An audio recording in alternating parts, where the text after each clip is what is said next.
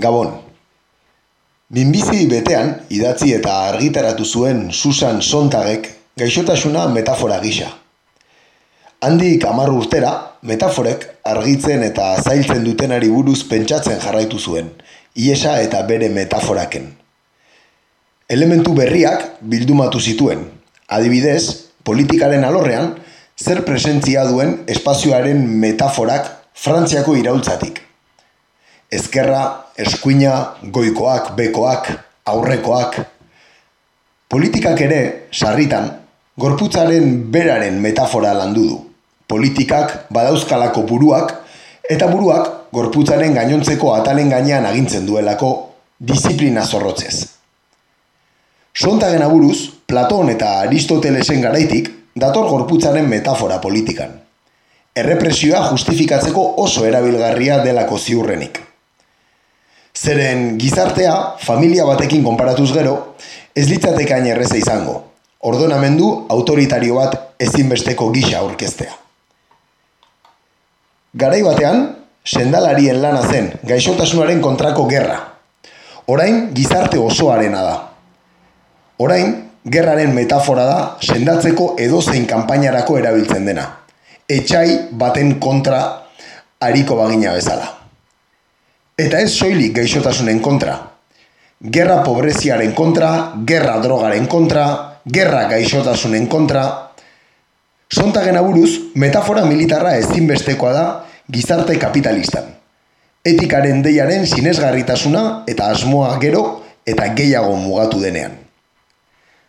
Halako batean, Euskadi irratian Espainiako gobernu aurrera zalearen iragarkia agertu zen. Eustea ez da erraza, baina borrokalaria gara, eta borrokatzean konturatzen gara uste baino indartsuagoak ginela. Atea irekiko dugu eta mugitzen hasiko gara, indar horrekin irtengo gara. Honek guztiak indartsuago egingo baikaitu, zioen iragarkiak. Eta sontagen liburua, liburura bueltan, metafora militarrak balio du etxai baten kontra borrokatzen dela nabarmentzeko. Eta gaixotasuna, deabrutzetik, gaixoari zerbait aurpegiratzea jauzi bat besterik ez dago, naiz eta biktima gisa tratatu. Baina biktima ezin da erruduna izan, eta beraz, gaixoa bada erruduna. Ez da zaindu, zaharra da, aula. Eta beraz, ez dugu berarekin kontatuko, indartsuago izateko metaforaren gauzak. Hauxe, edoi etxartek, pasaden larun batean, berrian argitaratutako testua. Hemen hasten da gaur egur. Guten Tag, meine Damen und Herren. Auf Muslim entering the United States. C'est la lutte contre le terrorisme. Katea ez da eten. Agirre, garaikotxea. Gaur egur. Gaur egur. Gaur egur. Jolasten eta enredando.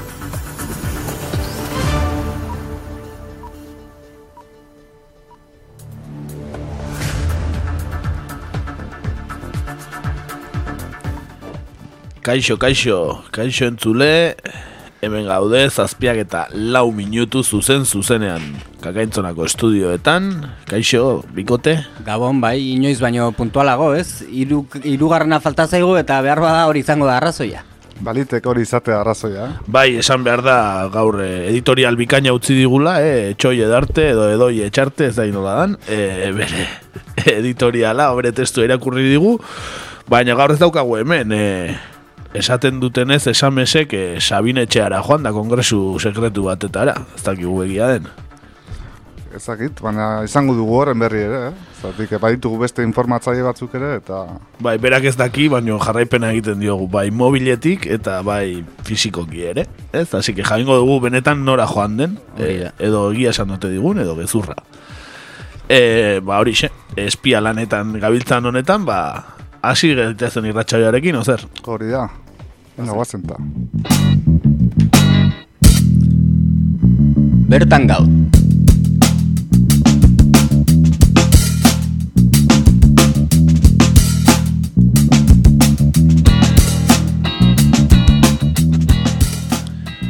Gaurkoan, gure erratzaioan, behin baino gehiagotan aipatu dugun gai batekin gatoz. Errauskailua. Lehenik egin behar zutela, ondoren gelditu zutela kaleko mobilizazioak denet, denetik komentatu dugu gure eratsaioan. Gaurkoan, lehen aldiz hitz egingo dugu Euroskailuaz martxan jarri zutenetik. Arduradunen hitzetan probako fasean dago.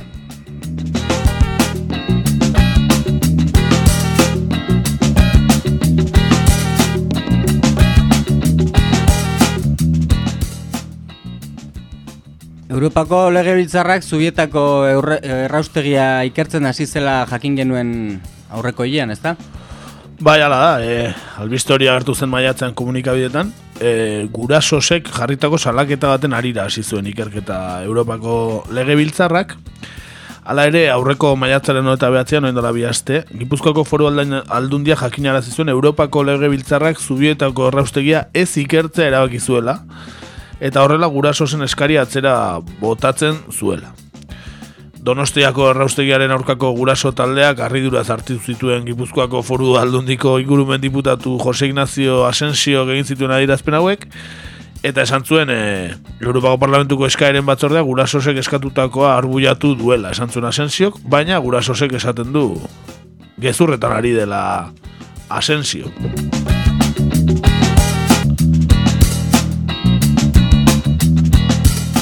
Horrela zioen Asensio. Asensio gezurretan ari da, edo sekulako ezkankintasuna adierazten ari da. Ez baita erresoluzioa, ez da eskara bati egindako erantzuna ere. Izan ere, batzordeak ez du gaia tratatu orain arte egindako bileretan. Bere garaian onartu zuen tramitea baino ez da. Hortaz, batzorde horretako kidei zuzendutako oharra da, etorkizuneko bilera batean gaia tratatzeko. Joan den apirietik, Europako Parlamentuko batzordeak COVID-19arekin lotutako gaiak baino ez da lantzen ari.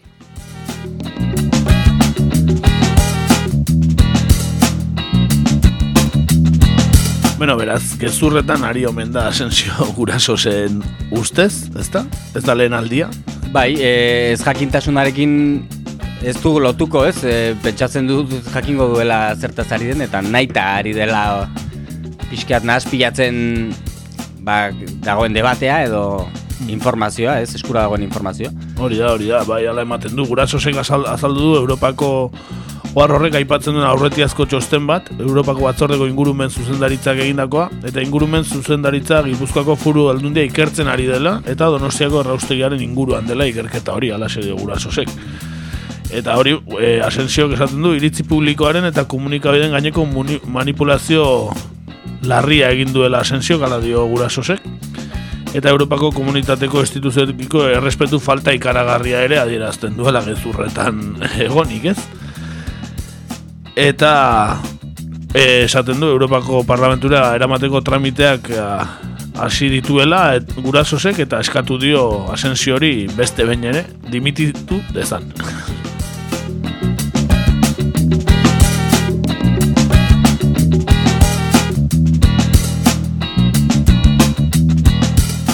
Eta, eta inguruko erreka batean arrainak hilda ere agertu ziren, ez da? Bai, ala da, ez, enteratuko zineten, ez? Maiatzen behatzean, e, ba, horia ibaira doan arkaitz eta errekan, e, arkaitz eta erreka, errekan, izena daukala, e, eunka arrain agertu ziren hilda, e, batez ere angilak. Bai, hori hori entzuno, ez? Eta deigarria da hor, beraz orden angulak are garestiago egongo dira. Hori da, hori da. Edo zapore berezia izango dute. e, argia jakinarazi du e, gehien bat berri honei buruzko kontuak argiak jakinarazi ditu eta lekuko batek adierazi zion argiari e, errekako parte askotan aparra ikuste zela mhm. ez? eta ura agentziak hildako arrainen ikerketa egitera bidalitako funtzionarioi ez zioten utzi enkodain konpainia kudatzen duen erraustegia eta ingurua miatzen den ari zirela, ba, ez zioten guraso sek aginduta, Bo, egurasosek salatu du, e, ba, hori, uraren, agent, ura agentzia bidalitako funtzionari, etzietela, hasiera batean, errauskailuan sartzen utzi, eh? Kasualitatea izango da. Bai, noski, noski. Segurtasun arazo teknikoa. Hori da. Arratxaldean bertan, istripuaren inguruak ikuskatu eta laginak hartzera urbildu ziren, ura agentziako funtzionario bat, esan bezala, eta laguntzaile zuen gipuzkoako furu aldundiko baso zain bat ere. Eta erraustegia zaintzen duen segurtasun guarda batek ukatu egin zien sarbidea, e, telefonoz arduradunei konsulta egin da gero, ez zuen berak erabaki. Ez zen guardia heroiko bat izan, eh? Galdetu zuen eta eta ez zioten utzi.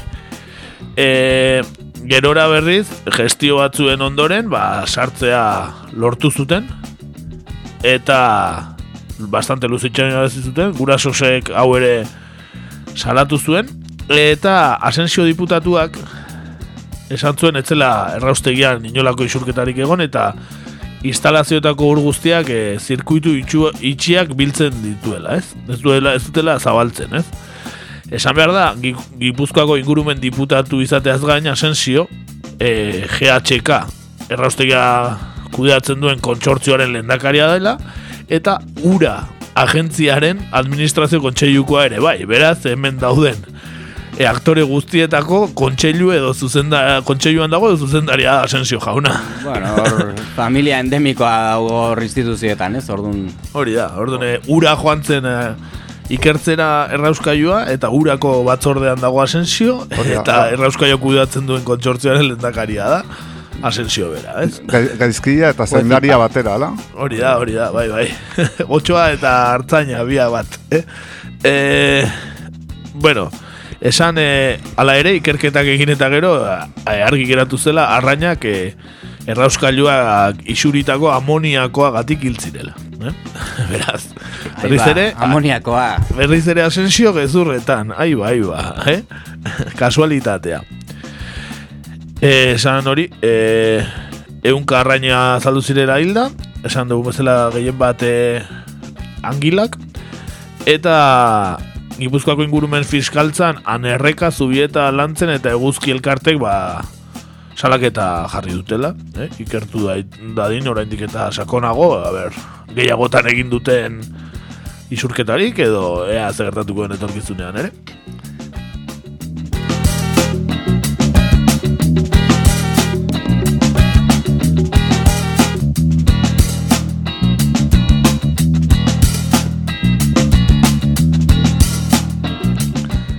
Jo, ba, eskerrak ere euskailua proban dagoen, no?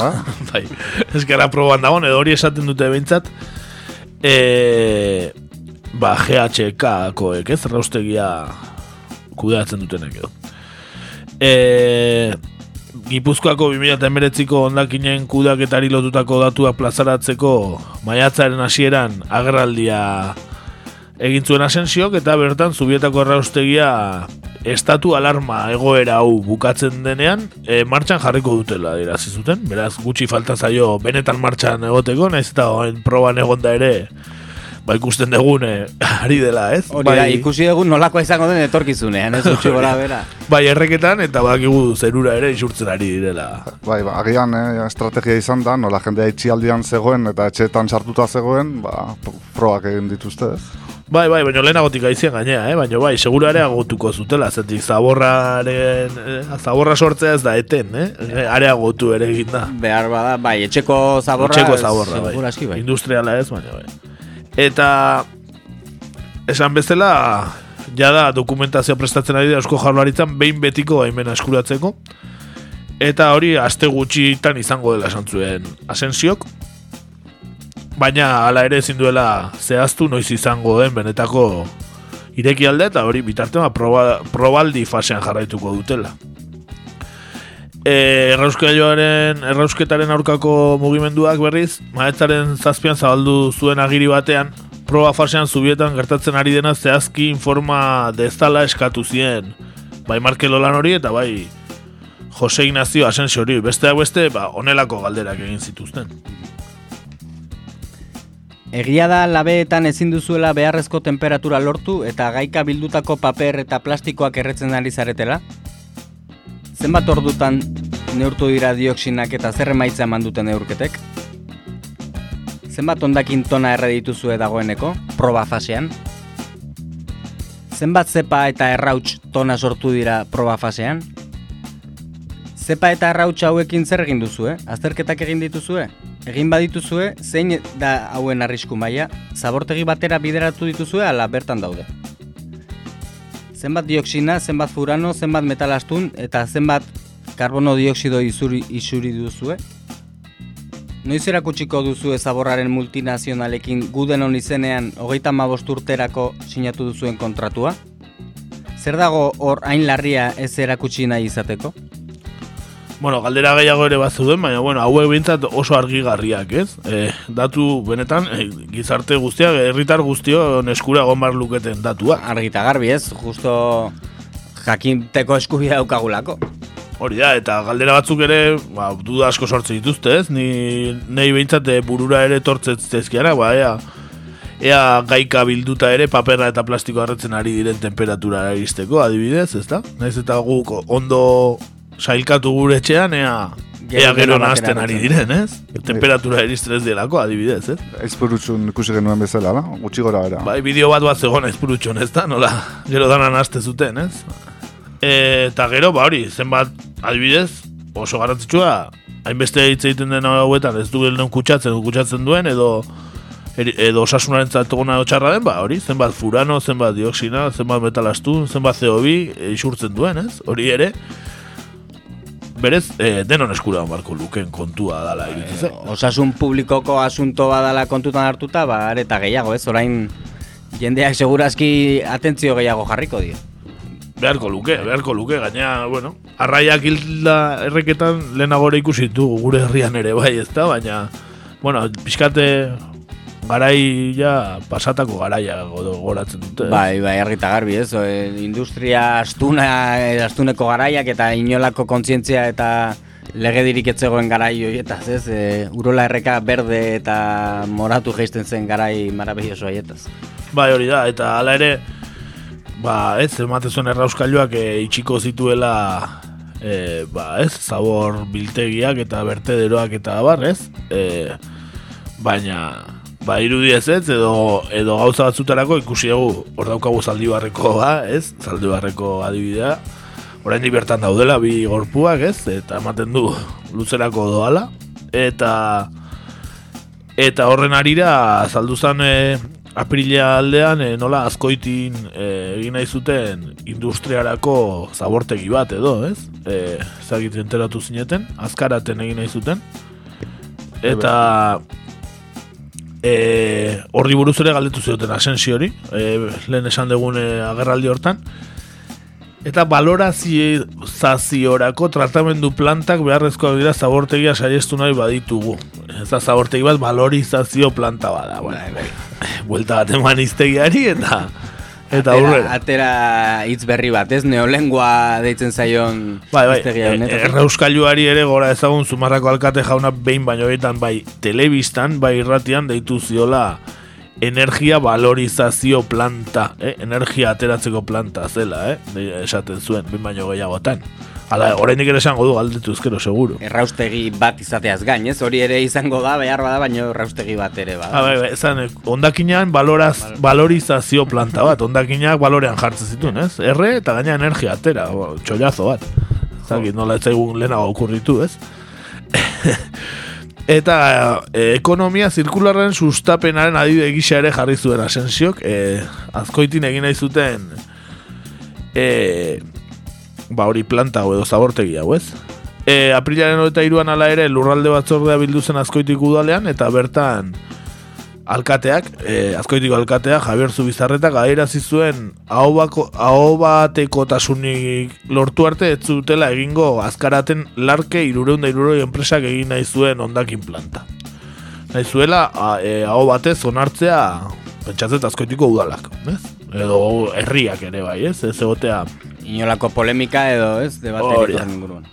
E, arau susiodarioak aldatzeko preste duen, ja, baina, bueno, polemika polemika sortu zen, e, hori dau aurretik, eta jendea ja hasi zen protestan, eta orduan, ba, bueno, hasi zian, e, ba, nola dau, e, prozesu bat sortu zuten, e, parte hartze prozesu bat, edo hain, hain modan egon zienak e, bildu zegoenen diputazioan, ez, parte hartze prozesu egitako atatea zen, Eta azkarate garbi plataforma ere sortuta zegoen eta esan zuten garbi ikusi dela herrian adostasun osorik ez dagoela. Egunero herri osoan entzun dira lapiko jotzeak ba, konfinamendu gara hauetan.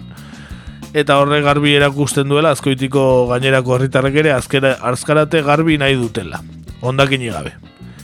Debate publikoak antolatu dira eta argi ikusi da orduan ba, azkoitean ez dagoela adostasunik eta nola aho batez e, onartzen nahi zuen e, EAJ-ko Jabertzu Bizarreta alkateak ba EAJ-ak berak azkenen e, azkoitiko herri edabidera, masixatzen edabidera bidali zuen gutuna esanez azkoitiko plantari ez ezkoa emango diola. Benetan, e, harrigarria, eh? Ito bat. Bai, bueno, e, ikusiko dugu, ez? E, eta gero gertatzen den. Bai, bai. Eta... Ez, hori, ez ez esango dela gaina, eraikuntza eta eraizpen ondakinen planta bat, baino gehiago delako, osate zuen. Eta ez duelako herriaren zatik eta areagotzerik nahi. Eta orduan, ba, urolardiko bankomunitateari eskatu dio lapatxen eraikuntza eta eraizpen ondakine irten bide bat ematea. Ba, orduan, ba, horixe. Eh? Bengo, bengo agatik, ez dakit zaldio argatik edo zergatik, e, ba, ea jota sustatu ez duen zabortei bat, bertan bera geratu da momentuz. Momentuz, ez hori matizazio hori garrantzitsua dela iruditzen zaiz, e, egoera ez da beste zagortegia zabaltzeko moduko, ez? Horrelako pandemia eta osasunaren gaineko debatea zabali dagoenean, hauteskundea gainean, hauteskunde arraro batzuk eta bar, ba, azkenen ez detuzte herritarren osasunean oinarrituta hartu dutenik erabakia kalkulo politiko eta ekonomikoak atzean daudela. daudela ba, eta gaina justu batea zala albistea, zaldibarrekoa eta gero, ez? Badiru dipixa, galdu, zaldibar galdu dutela eta ez dakitela ondakin tipo batzuekin zer egin, ez? Eraikuntzako ondakin batzukin, da orduan ba, beste nun baita atera behar, ez? Beste zulo bat sortu behar, zaborrez betetzeko. Bai, bai, ikusiko da, a ber.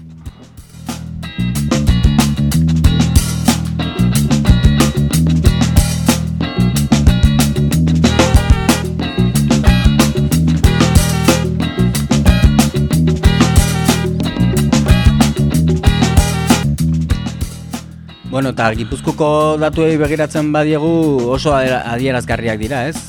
Bai, bai, gaina esamara zaborran kontua ja bagoazela, eh? zenbat, amarka bat bagoaz, ez?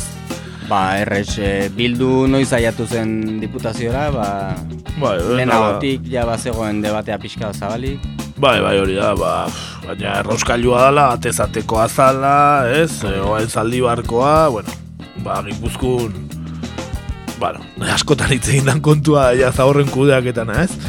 Ba, esan behar da, diputazio berak emandako datuetan, iaz, egun dago eta emezortzi mila tona ondakin jaso zirela errefusa modura, ipuzkun, eta errefusa bakizu edala dana nahaztuta, edo, bueno, berez, e, erreziklatu ezin da, na, ez? Soberak guztia. Hori da. Ondo, ondo, ondo selkatu ezkero, euneko amarretik berakoa dena, ez? Etxeko zagorrean. bueno, ba, egun da eta mezortzi mila tona horitatik egun da amar mila tona birziklagarria ziren. Beha, zoin dio oso urruti gaude, beha, birziklagarriken guztia sailkatzen, ez? Esan, tena, esan diteke guztian ia, ia euneko laro gehia. Oen dio, ez, errefu, jasoan errefusan ia euneko laro gehia birziklagarria zala. E, zatik, benetan, erra, errefusko puru hau eta sortzi mila tona zien. E, beste egun da mar mila tona getzian errefusa. E, eta hori ba, etxean ondakinak ongi bere izten ditu neonor, ba, akila zein errefus gutxi sortzen denez, esaten dute ba, plataforma hauetatik, ez? Eta ondo, ondo selkatzen duena, ba, aki, errefusa oso gutxi sortzen dela. Ilean behin ateatzekin, oso beran, ez? Eta esan behar da, donostian adibidez, errefusera doan poltsaen uneko laro gehiago, la berziklagarria. Gipuzkoan sortutako guztiaren euneko berrogeta mairua, eh? donostikoa da. Eta populazioaren zenbat laurdena. laurdena. Ba, pentsa. Orokorrean baino bikoitza, ez? E, erreziklatzen ez duen jendea. Hori da, eta jende askok, ba, bai papera, e, plastikoa, ontzi harinak, beira, e, dena batera, botatzen du e, oraindik e, gipuzko mailan eta dirudienez batez ere donostin, eh? Eta e, esaten da, adibidez donostian, berreunda laro eta zortzi kilo errefus botatzen dela pertsonako urtean, eta Gipuzkoako bataz besteko egun dalarota 6 kilo diala. Beraz, egun kilo gehiago. Doblea ez, baina, bueno, eren bat gehiago bai. Eta... Esan behar da ere, euskeria badala organiko modura e, ba, Jasotzen dena. jasotzen dena donostian, ezta? Hogeita maikan kilo pertsonako, eta gipuzkoako bataz besteko iru eta mazazpi kilo dira. Beraz, bastante gehiago. Eta nire galdera da hor zer ikusirik izan dezake, eh, adibidez, eh, pen, ez dakit, hotel pila bat daude donostin, errestaurante olako gauzak edo etxeko zaborraz bakarrik ari gara. Ba, pentsatzet eh, kontuan eukiko dala ere. Bai, ez, ez hor egon daiteke nola sesgo txiki bat, azkenen ez hotel, ez restaurantetan horrez da sekula, e, bueno, ni behintzat daukaten esperientzia ostalaritzan donostin, ez da ezer berizten, ez? Noski baino, bueno, ondo antol- antolatu ezkero eta udaletxeak Bai, bai, bai, posible da, derrigortu ezkero, posible da beste toki guztitan Bai, bezala. bai, bai. Hori... Eh, esan behar da, ala ere, gipuzkun, azkeneko lau urtetan, organiko kopurua jasoana, euneko berrogei igo dala, Gipuzkun ba, herri batzutan asko igo da, eta ondo aeridia bilketa egiten ez, eta organikoarena, baina donostian euneko seia bakarrik igo dala lau urte hauetan. Beraz, alde oso handia, donosti, Badaukate lana, ez? bai, donosti eta hiri handiak eta abar eta beste toki batzuekin konparauta, ez? Adibidez, eman komunitateka, esan daiteke bi erritmoko gipuzkoa daula.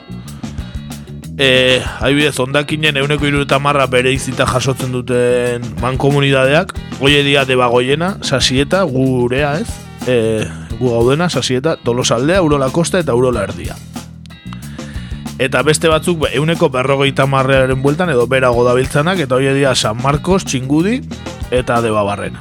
Beraz, eh, esan daiteke, ba, Eibar ingurua eta Donosti ingurua eta Irun ingurua diala, okerren bere izten dutenak, ez?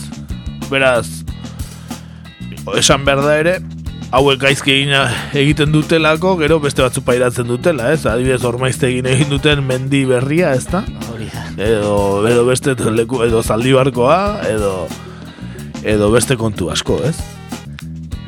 Azkenean, e, batzuk ondo, ondo egiten dutenak, gaizki egiten dutenagatik a- arazoak izaten dituztela, gero, ez? Hori betiko kontuak, ez? Hori Bai, bai. Gero azken finean denok ordentzen du, ez? Hori Bai, bai, batzu gaizki egina, ez? Eta errauskailua ere, ba, azpare ez dute don- donostin jarri, ez dago gaino urruti, baina ez dute donostin jarri, bazpare, ez da? ez, ez dute Santa Claran jarri, ez? Ez hori da. Ba, hori, egia esan, e, e, bukatzen ez dan kontua, ez, zaborrena gipuzkoan, baina, a, bueno, argi dago, ba, batzuk e, garrantzi gehiago ematen ditela, eta hobeto lantzen dutela, ez, jasotzearena eta birziklatzearena, eta beste batzuk nahiago dutela bere herritarrei asko ez eskatu eta bozkak irabazi, ez? Kompromiso hori gabe. Bueno, betiko gaia, eh, esan daiteke, ez da, eh, rauskailuarena, baina, bueno, oain martxan jarriko dute, hasi que ikusin behar, ea, ze festa, igual su artifizialekin eh, inauguratuko dute, o... Bai, hori da, e, ez dakit, eta beste ez dakit zen motatako arrain hi- hilekin ere bai, hor Us, usain gozoa botako du, ez? Ez? Hain garbia izan da eta hain... Eh, Bai, hori da, bai, bai, lurru, lurrun ederra, eh? bai, hori da. Eta, desiatzen gaude ja irekitzeko. igual inaugurazioa eh, karra elejalde hola mango, dute lagula del norte bezala, ez? Langila, langila de zubieta, oze, ze, eh? promozionatzeko. Bueno, ikusiko dugu, ea zemuz. Guazen eh, nazio artera. Hori da.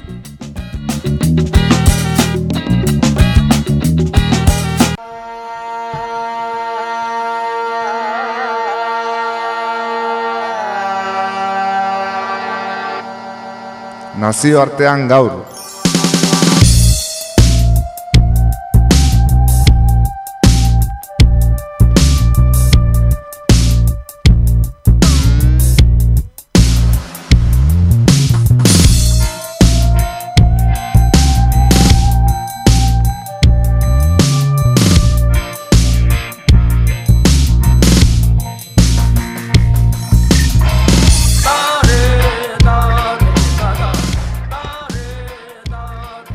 Gaurkoan nazioarteko atalean Europa ekialdera bidaiatuko dugu. Azken aldian, aspaldidanik egonkorra zirudien Bielorrusian Lukashenko presidentearen aurkako protestak, Lukashenko berak COVID-19aren pandemiaren aurrean egindako kudeaketa okerrak eta estatu batuekin sinatutako akordio batzuen berri izan dugu egun hauetan. Goazen Bielorrusiako kontuak zertan diren ikustera.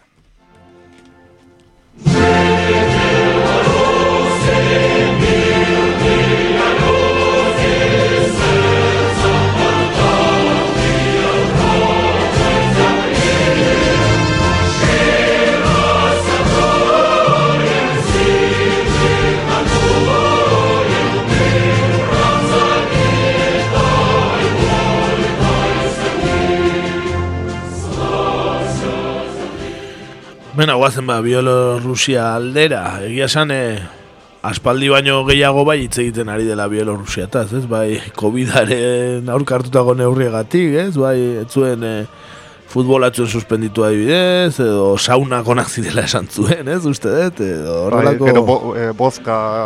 Ez, Bozka edatea hona zala, baina gero ez, ez gidatzeko, ez? Beretan kuriosoa, Lukatxenko esan zituena, baina bueno, jakin dezagun pixka gehiago bai berari buruz eta bai Bielorrusiari buruz.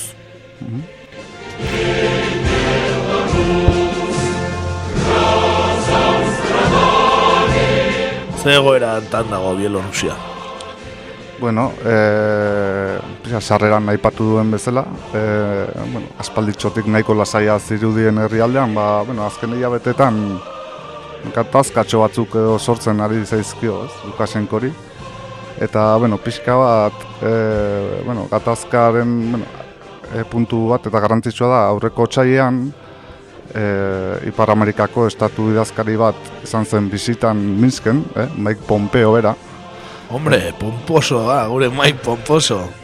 Bai, eta esan barra, ba, Ipar Amerikako estatu idazkari batek, Bielorrusia da, hogeita urte, baino gehiagoan egin duen lehen bizita izan zela. Eh?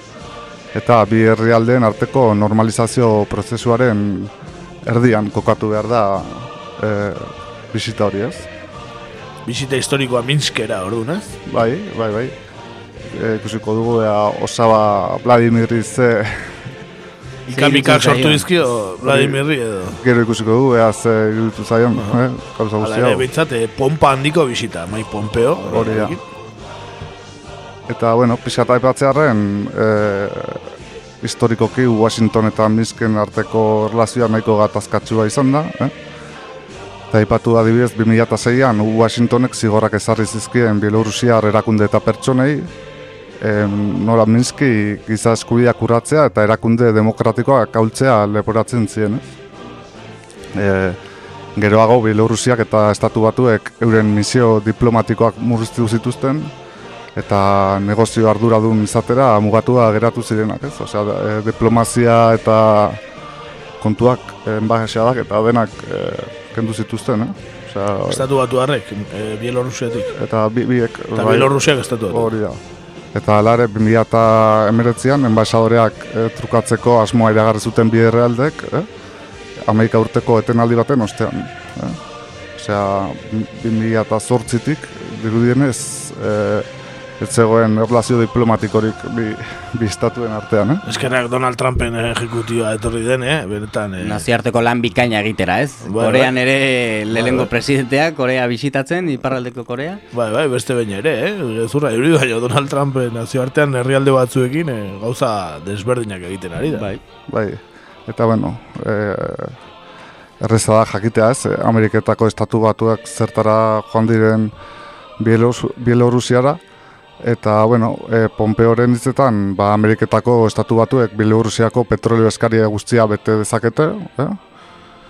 eta hori- be- beak iragarri zuen, eta adibidez esan zuen e, gure energia ba, baliabideen ekoizleek, petroleo eskarien euneko eun bete dezakete, prezio lehiakorretan, eta e, hori Lukasenko beraren e, alboan esan zuen, ez?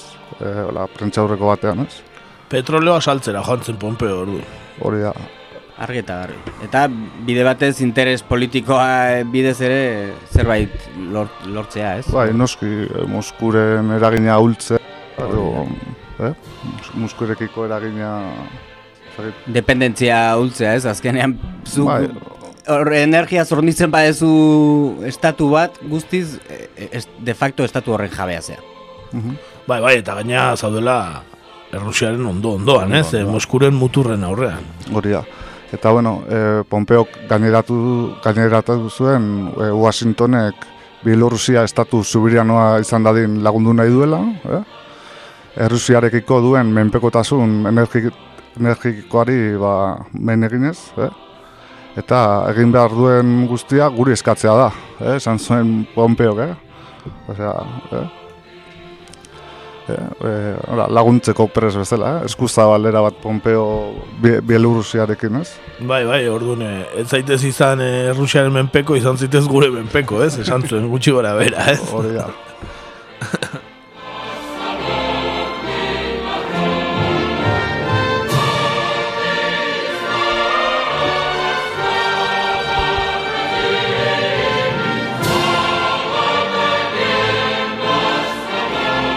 Bueno, eta estatu batuak egordu Bielorrusian enbidoa bota du eta eta Vladimir Putinik zer dio.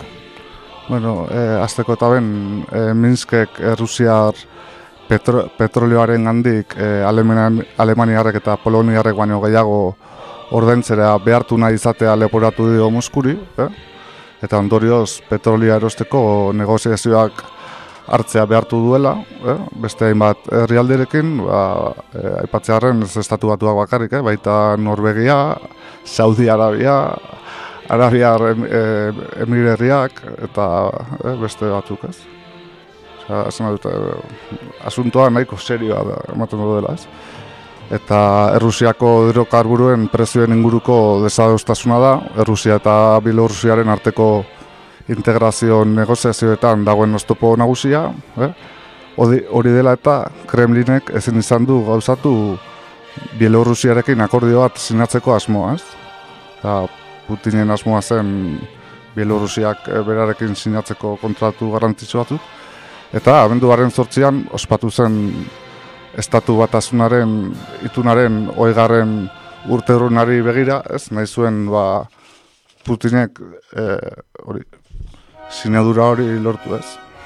Eta ba, ba Lukashenko ematen du, ba, pixka bat Eh, eh, bai, negoziatu egin nahi zuen eta eta etxaiaren gana joan da, ez? Hori ea, ea, hola, bueno, betikoa, ez? E, baten gana joan, gero besteren gana, eta eber preziorik horren anun ateratzen duen, eh? Bai, hori da. Eta, bueno, e, hori Kremlini zaio asko gustatu, zaio asko gustatuko, oraingoz eh, nahiko hotz eta ez ditu adirazpenak egin horri buruz Vladimir Putinek, baina, bueno, ikusiko dugu ez, adik hau oso gauza berria da, e, baina dela pare bat bateko kontua da, eta, bueno, jakin da gero COVID emeretzia eta gauza guztia hau, hasien gauza hau, ba, pixka bat itzalean gertatu, geratu den kontua dela ez, baina...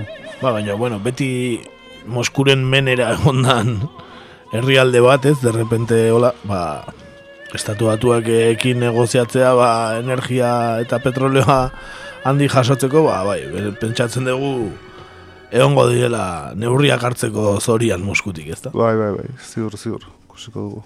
Bat edo beste behar bada pozoitu da irko da torneo gunetan, ez? Polonio askatu dute, ez, Amazonen.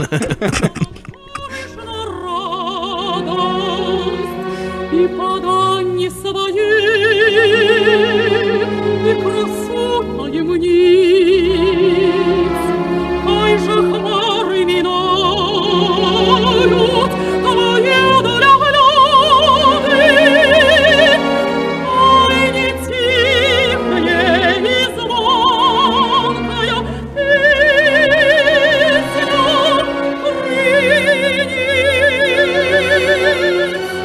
Gogoratu behar da Bielorrusiak e, historikoki jasan izan dituela zigor ekonomikoak, ezta? Hori da, eta horren dikan e, zigor horiek edo ordaintzen ari dela edo, ez? Bai, Pasauzkan hainbat muga, bai, bueno, e, salerosketetan eta beste ema gautzetan, ez? Eta pentsatu behar da zigor ekonomiko hien atzean, ba, estatu batu egon Noski, be, beraiek ezarritako zigorrak ziren, noski, eta horri buruz ere aritu zen Pompeo, ez? Eta esan zuen Bielorrusiari jarritako zigorrei dagokienez, e, Ameriketako estatu batuek aztertu egingo dituela ezar daitezkeen murrizketak, ez? Eta hala ere, oraindik horretaz hitz egitea goizegi dela esan zuen.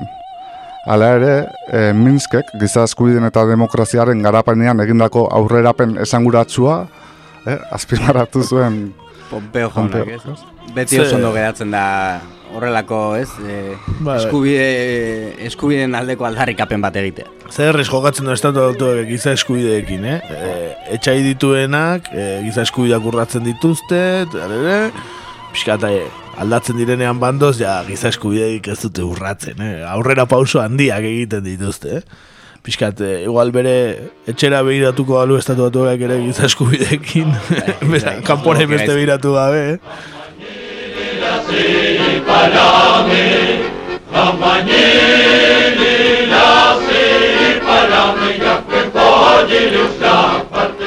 Bueno, aipatzen ega Errusiarekiko duen menpeko tasuna Bielorrusia, baina, bueno, gure entzule pentsatzen dut guztiek jaingo guten bezala, ba, Bielorrusia Sovietar Batasuneko Republikatako bat zen, ezta? Eta, ba, Sovietar Batasuna erori ostean ere, ba, ba, Rusiarekiko menpeko tasuna izan du, ez? Eta, gaina presidenteia berbera, ordutik, ez? Bai, hori da, e, aipatu Bielorrusia mila beratzen dela erogeita maikan banan duzela Sovietar batasunetik. Eta e, Lukasenko mila beratzen dela erogeita malau eldu zen ja presidente izatera ez. Iru urtetara. Hori da, erogeita malauan. Beraz negoziatu du denekin, Boris Jeltzinekin, denekin ez, Putinekin, e, nola zan Putinen bigarrera. Clintonekin ere, bai, bai, bai, estatu bat. bai, hori ere presidente izan zan ez, la urtetan zehar Putinek ezin zuenean. Hori, bai, bai, bere Putinen maiordomoa dela esan Bai, eta estatu batuetako hainbat presidente, eh, ere, ikusi, ikusi ditu, eh, bai. Eta, bueno, pixat aipatzearen, mendebaldeak Europako azken diktadura deitu izan dio Bielorusiari, eh? e, o, Europako azken diktadore deitu zen diote Lukasenkori, hogeita zei urte iraunditu da boterean Lukasenkok, eta horrendik boterean dago. E, Bielorusiako Republikako presidente izendatu zutenetik, eh? largoita malautik. E, hori da, pixkat... E, aipatzearen e, Sovietar bat azutenaren zatiketaren ondorioz, hogeita bat garren mendeko Europan e, pues, or, e, boterean mantendu izan den, bueno, denbora gehien dijon pertsonaia da e, Lukasenko, eh? eta Lukasenko 2008ko presidentzialdetarako hauteskundeetan ere bere agintaldia beresteko bidean dago, hauteskunde askerik ez egitea egosten dute Europar batasunak eta oposizioak ez. Aipatu behar da, hauteskundeak ustaian dituela dituta Lukasenko. Urkullu bor begiratuko zen igual, ez? Ba, ah, ah, kasualia, hemen ere ustaian ditugu hauteskundeak. Claro, claro, urkullu esango zen Bielorrusian egiten badia, en un... Eh, ainondo kudeatu duten gaina COVIDaren kontua bozka eta saunarekin, ba hemen ere hori da eta aurrera pena handiak egin diren giza ba. eskubideen alorrean, ba hemen ere hori da hauteskundeak ere libreak dira orduan, ez? E, Pompeo kala esango luke, ez? Bai, gero pixka bat sartuko gara COVID-19 gaian eta pixka bat aurreago, eh? baina e, hori, pixka bat hori, e, Europar batasunak eta oposizioak e, kritikalarriak egiten ari zaizkio, ez delako kanpaina normal bat egin, eta kontu horiekin, eh? Bai, bai, bai, hemen bai, eh? hemen egin daiteke. hemen egin daiteke. Eta, hori pixka bat eh, esan dudan bezala, e, Laro eta maikan banan duzen Sovietar bat asuna, laro eta malautik da Lukasenko horri aldeko buru, eta ba, Bielorusiak Sovietar bat asun zaretik, ia osorik e, oin du egitura ekonomikoa esaten denez, eh? industria oinarri nahiko garatua dauka eta nekazaritza sektore oso nabarmenarekin. Eh? Herrialdeak Errusiarekiko mendekotasun ekonomiko estua izaten jarraitzen du, eh? bertako merkatuak eh, lentasuna du, Errusiako merkatuak, Hala ere, Bielorrusiak gora gendu munduko bankoaren doen business rankingean, eh? herrialdek negozioak bultzatzeko duten gaitasuna ebaluatzen da bertan, eta e, pizka bat epatzeko e, 2006an atzerriko inbertsio zuzena 8,6 bilioi dolarrekoa izan zela, eh? adibidez herrialde inbertitzaile nagusiak Errusia, Resuma Batua, Txipre, e, Herbereak, Txina eta beste bat direla. Eh? Hori pixka bat e, datuak. Mhm.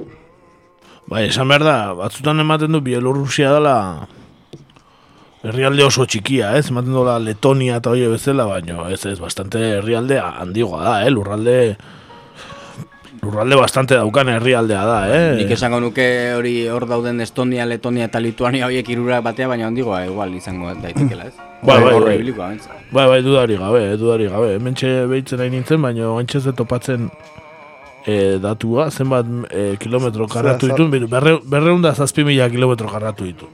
Konparatzea garren, adibidez, e, Frantziak ditu... E, a ber, no jartzen duen... Espainiak ustez milioi erdi inguru dauzkala, ez? Bai, hori, Frantziak adibidez, seireun da iruta maos mila. Esan ez duen Frantzian erena edo, la, ba, bueno, badala lurralde bai, bai. nahiko handia, ez? Mm Espainia restatuaren erdia edo gutxi gora, bera.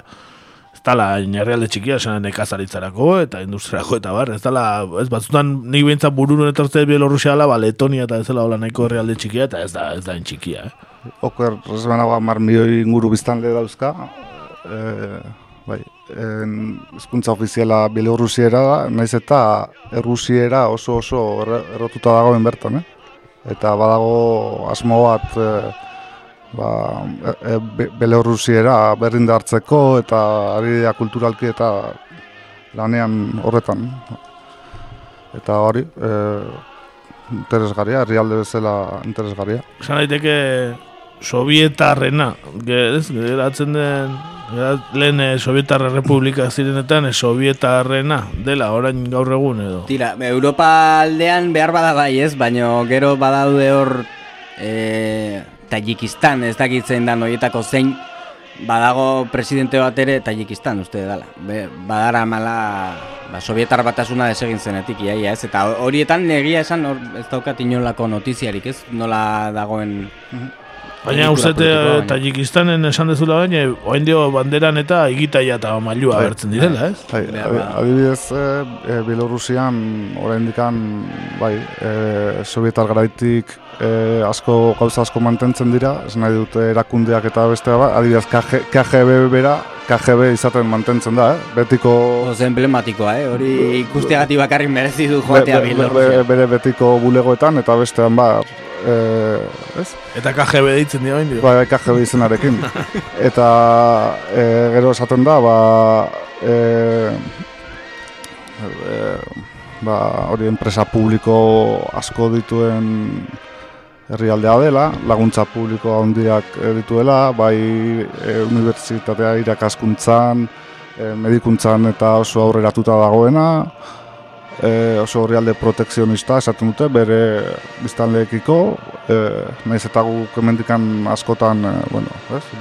Bielorrusiarekiko ba, gauza irunak entzuten ditugun gero gia da, be, datuetara esatzen bazera e, adibidez e, kriminalitate indiziak eta oso basua dira e, jendea ba, ez, e, ba, unibertsitatearekin eta bere erakundekin gustora dagoela ematen du hori da, hori da, ez, datuek esaten duten abintzet. Ikusiko da, gero zer nola bukatzen den historia hau ez? Ba, eta adibidez oposizioak e, egosten dio ba, hori, hauteskundeak e, ez garbiak e, egitea, eta, bueno, lako kontu batzuk ez. Ba, enbeste urte jarraian egon da, ba, bueno, susmoak egotea normala da, baina, bueno, e, gero jor juten dira begira internazionalak eta bar pentsatzen dut beste herrialdetara bezala, ez? Mm bai, bai.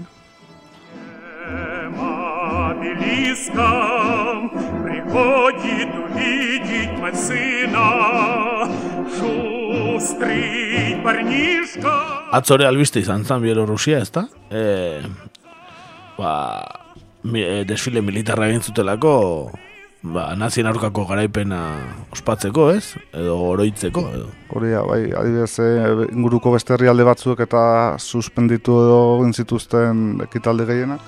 Pero bueno, ezakit, e, era oso sumean ospatuko zituzten nagian. Ba, Europan eta ba, ez, e, e, alde batera utzi dituzte, ez? Hor garaiperaren egunean edo ez dakit nola itzen eta Errusian ere ala, egin dut. Ba, Bielorusiak Alemanian aziaren aurkako garaipenaren irugoita garren urte ospatzeko desfile militara egin zuen atzo, Sovietar espazioko herrialde bakar gisa. Izan ere, Alexander Lukasenko presidenteak ez du atzeratu nahi izan, beste herrialde batzuek egin duten bezala, ala nola Errusiak e, koronavirusaren pandemiaren eraginez ez. Eta urten Minskeko e, geldialdi militarra e, bakarra izango den arren, e, inguruko bakarra izango den arren, eta gainera Sovietar batasun horieko herrialde bakarrak ospatu zuen, atzoko kasuan, eta nazismoaren mundua askatu zuten soldadu sovietar guztiak omentzeko egingo da. E, Adirazu zuen Lukasenkok, e, eta pixka bat, ba, Lukasenkok e, desfileari utzi egin zion, e, naiz eta osasunaren mundu erakundeak distantzia fisikoa mantentzeko eta e, koronavirusa geldi arazteko neurri murriztailegoak sartzeko gomendatu, eh, Belorusiari. E, pizka bat aipatzearen, e, Belorusiak ogoi mila koronavirus kasu izan ditu, eta e, hildakoak guztira berreunda irrogeita behatzi izan dira. Osea, Euskal Herria baina gutxiago. Askoz ere gutxiago. Euskal Herrian mila eta piko, mila berri, no? Mila bosteun digora, nek esango nuke, ez? Baliteke, bai, ja, ba, Ni ez dago egun eratuta, lehenko egunetan kaso egin nion, baina... Ni ere ez, baina, bueno, eh, bastante biztan legeiago ditu herri aldea, Euskal Herria baino, eh? Beraz, agian, eh, saunak eta bozkak funtzionatuko. Hori da.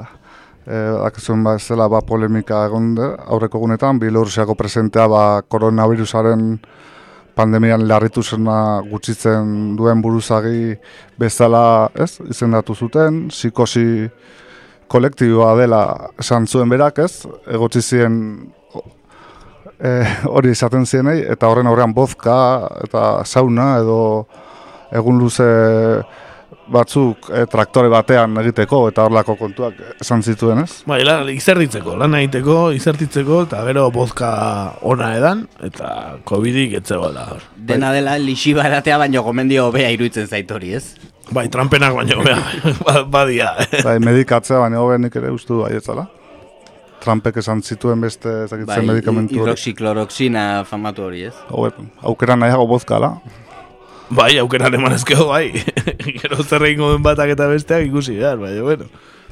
Eta, bueno, ja pizka bat desfilera, desfilea ipatuz, atzoko desfilea ipatuz, ba, Dukasenko esan zuen data sakratua dela guretzat, eh? Irugoita ma urtez, irabaz lehen Balentria handiaren historia loriatzen aritu diren tradizioak aldatzeko ideia onartezina da guretzat, esan zuen, eh? Osea, ia bere aurkako erasotzat bezala hartzen zuen hori dena, eta agintariak e, badaki desfile militara mantentzegatik e, kritikatu egingo zutela, e, eta berak esan zuen mundu larri honetan, ekintza sakratu honen lekuagatik eta demoragatik kondenatuko gaituzten pertsonak egon, egongo dira, esan zuen. E? Eta alare garaipen handiaren oinordekok, piluruzia horok, egun hau ospatu besterik ezin genuke egin, esan zuen, berak, eta hori, e, ebe, aipatzearen iru milioi Bielorrusiar, e, Republikako biztanlearen erena, gerran hil zirela, horietako gehienak Alemaniaren okupazioan zuntzituta, e, osea, memoria badukate. Eta gerra beraien lurraldean ere egin e, jokatu zela, ez? Bai, hori, bai, bai, bai. Berrogeita batetik, berrogeita laura okupauta gontzen, eh? Bai, ere, bai, bai eta Lukasenko e, nazioarteari ohartara zion munduak iraganeko lezio tragikoak ez dituela entzat hartzen. Eh? Eta zenbat eta urrunago geratu, orduan eta erasokorago eta arriskutsuago bihurtzen da gaineratu zuen.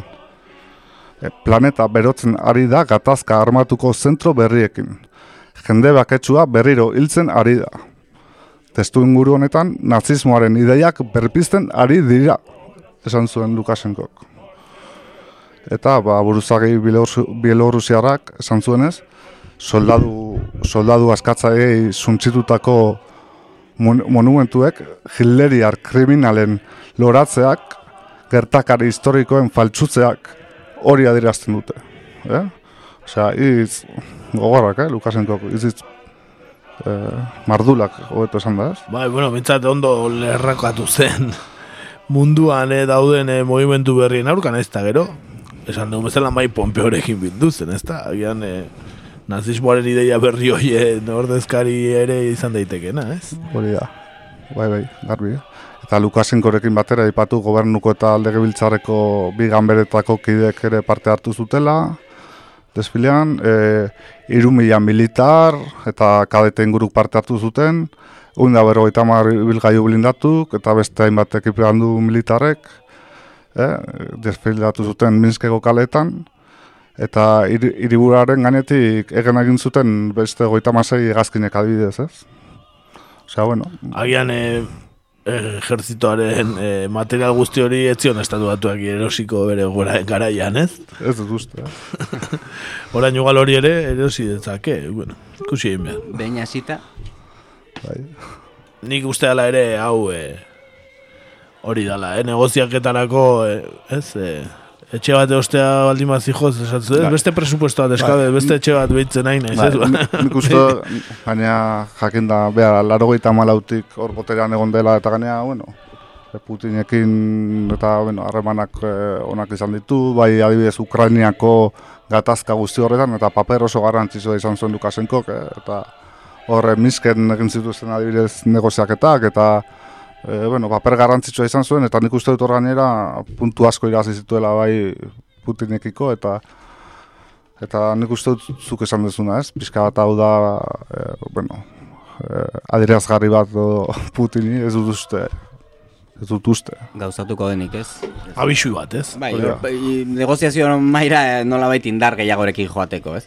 Eta egia da, nik uste Lukashenko badakiela zeinek ematen dioen bazka, ez? Eta gainera zein estatu batuetan e, hauteskundeak urte hontan dira, eta bar, estabilidade, lagorro eta malautik eukiduen estabilidade hori ez dut uste galdu nahiko duenik, eta ez da leloa izango, hainbeste urte eman baditu boterean. Ez ez da babesa bera ere, ez? Bertan dauka, ez? Rusia, muga egiten du, pf, ezin du bihurtu hor, eh, ez? Eh, Guantanamo bat, hor, ez? Errusiaren ondoan, ez? Ezin, ezin du hor. Bai, gero bitxia da, lehen aipatu dugu, baina pues, eta azpimarratu behar da, nola, ez? Egiten ari zaizkon nain kritika gogorrak, hauteskundeen nauzia gaitik, ez? Nola ustaian deitu dituen hauteskundeak, eta ez dela egoera, esaten diote hauteskundeak ditzeko, bai oposiziotik eta bai Europatik, eh? Eta aipatu dugun bezala, hamar milioi bizan ditu, eta berrenda irugaita behatzi lako izan ditu e, Bielorusiak, osea, esan nahi dut ez dela izugarrizko zifra txarra, ez da gutxia gaurako ere, eh? Honekin konparatuta bintzat, gurearekin konparatuta. Bai, osea, ba, hemen, bi milioi pasatxotik izan da, ba, nik uste dut mila seireun inguruan gaudela, eta hauteskundeak oso garbiak eta lehiakorrak izango omen dira. Eh? Bai, eta kanpaina ez da bat ere aldatuko, ez? Ikusi behar. Bai, bai, egia esan, eh, adierazgarria, ez? Eh, segun zeinek deitzen dituen ustailan hauteskundeak, eh, nola Europa guztitik eta kritikak egiten diren, eta hemen berriz, Bai, kritika batzuk entzun ziren oposiziotik hasiera, baina ja aztuta gaude, ez? Bai, bai, ja kanpaina hasi dira danak. Bai, bai. Kanpaina osoan. Pa, kampaina nahiko epela, eh? esateko, eh? Bai, bastante pela, bastante zuria, eh? Esan daiteke. Hori da. Eh, bueno, ba, esan, hauek danak ikusita, eh, COVID-aren kontuak eta eh, datuak ikusita, ustailean eh, ba, nola hauteskunde egingo diren, bai Bielorrusian, eta bai Euskal Autonomia Erkidegoan, ez? Ba, galdetu nahi dizuegu Twitter bidez orain bialiko dugu galdera eh, gero beharrean. Bai, nola diktadore deitzen dioten Lukasenkori, eta gainera on, oran horregaitik diktadore gero ba, azpimarratzen dute nola hauteskundea deitzea dik, dik, diktadorea den. Ba, guk galdetuko dugu, orduan, e, diktadorea bada Lukashenko e, hauteskundea deitzagatik, ea zein irutzen zuen zuei diktadoreagoa. Urkullu edo Lukashenko, ez? E, datuak ikusita diktadore deitzen badiote Lukashenko hori, ba, urkulluri ez dakiz ditu beharko diogun. Führer txiki edo ez dakit zentu harko diogun bat diktadore bada hauteskundak ustaian deitzagatik eh, dituen Datuekin. datuekin, ez? Dagoela konparatzerik, eh? Beraz, hori hortxe joango da gure galdera, eta behin aipatuta Twitterreko galdera, esan e, e, aurreko astean bidali genuena, aipatu beharko dugula, ez? E, goratuko zeaten zuleo nola nuevos padres fundadores de Navarra izan zen gure protagonista, eh? benetan e, bikainak, eta oso gomendagarriak, eta esan behar da, ba, Twitterren e, baietz, e, irabazi duela bastantegatik, hauteskundetan aurkeztuko galit bozkatuko lukeela jendeak, dudari gabe, eta telegramen berriz, baita ere baietz, ikaragarri. E, bietan ere, euneko irureta marretik gorako portzentaian, Beraz, eh, animatzen ditugu dudari gabe, nuevos padres fundadores de Navarra, hauteskundetan aurkeztea. Esan gaina gure e, gure inkestari erantzuna egin diot, erantzuna egin diotela, eh? nuevos padres fundadores de Navarra, eta ja, bueno, elkar jarraitzen degula Twitterren, eta benetan, eh, ba, komunikazio zuzena daukagula beraiekin, eh? Hor sinopsia dago, ez? Hori da, hor hemen zeo zer eh, gertatuko da ziur. Bueno, ba, hortxe, ea ze irutzen zaizuen diktadorea, Urkullu edo Lukashenko, eh? galdera ba, gogorra, azteuntakoa, ea jendeak zer esaten duen. Ni garbi daukat erantzuna, zuek ezakit, baina. Hori da. E, bale, ba, orentxe bialiko dugu, eta bitartean abesti bat jarriko dugu, ekarri dugu Bielorrusiako punka ekarri dugu, eta, bueno, e, askotan horre Rusia eta Bielorrusian hartzen zela, ba, punkiak, ba, bueno, botearen aurka daude, eta Bielorrusian ere, ba, Lukashenkoren kontra ba, daude punk talde batzuk, eta Lukashenkoren kontra abesten omen duen, edo bentsat aurkitu dugu la repertorio, rekopilatorio bat, talde batzuena e, jartzen fuck e, Lukashenko, jartzen zuen, rekopilatorioan, punk taldeena, eta horko horko talde bat ekarri dugu ezinezkoa zaigun ahoskatzea, zatio e, alfabeto zirilikoan dago, beraz, imposiblea taldearen izena esatea, eta bestiarena ere ez. Hori bai, e, estiloa etnopunk esaten du, eta punkia akordeoi batekin jotzen du, izan daiteke... Bertako musika tradizionalarekin ustartuta do, agian. Ba, hori da, ez mengo etzakit bat, agian. etzakit, ikusiko dugu. Entzun dezagun eta bueltan gatoz, gero arte.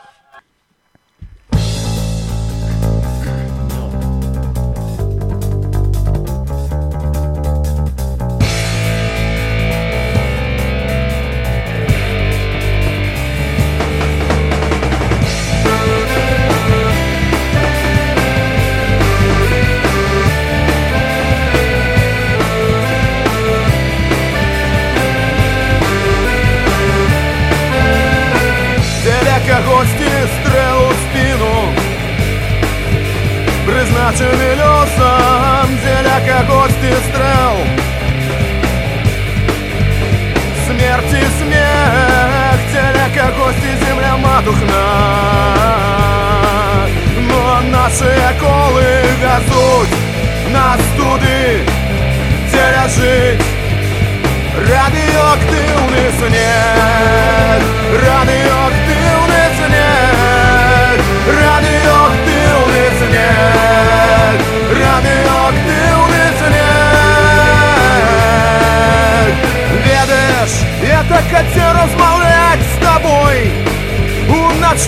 ночной тишине ты повинен памятать Об тем, что мы сами писали правила Гэтай гульні ты павінен чуць мяне, але ты чуеш загадкавы гук Небяспечны свет, ты ўсё патанула навокал у агню і падае на нас Радыёактыўны снег, радыёактыўны снег Радыёактыўны снег, радыёактыўны снег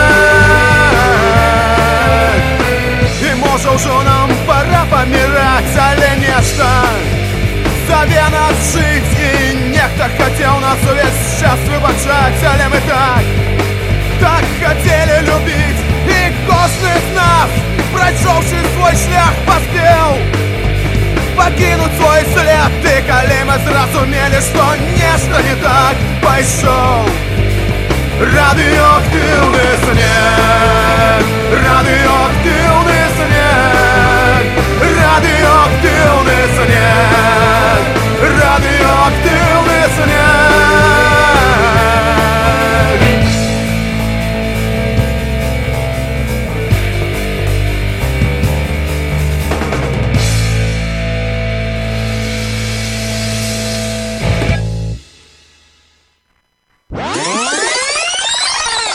Gaurko egunez.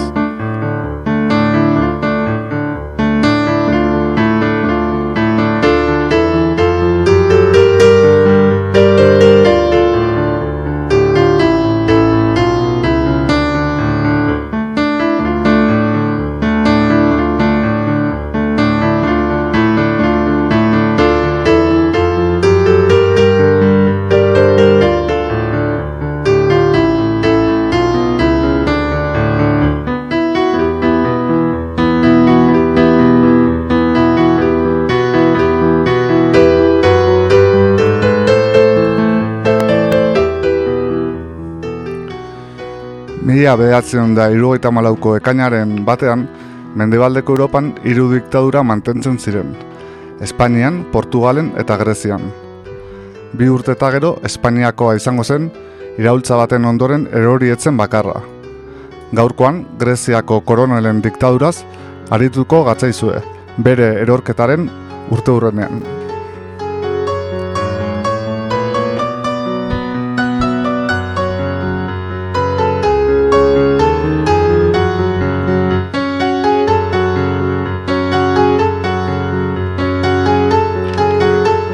Beno, noiz, noizko garai eta zari gara e, koronen diktadura honekin eta eta zergatik hain izen berezia. Bai, bueno, e, diktadura hau mila behatzireun da irurogeita zazpitik, mila behatzireun da irurogeita malau urte bitartean Grezian eman zen, ez? Eta gobernu diktatorial bat izan zuen, noski, izena bera dioen bezala.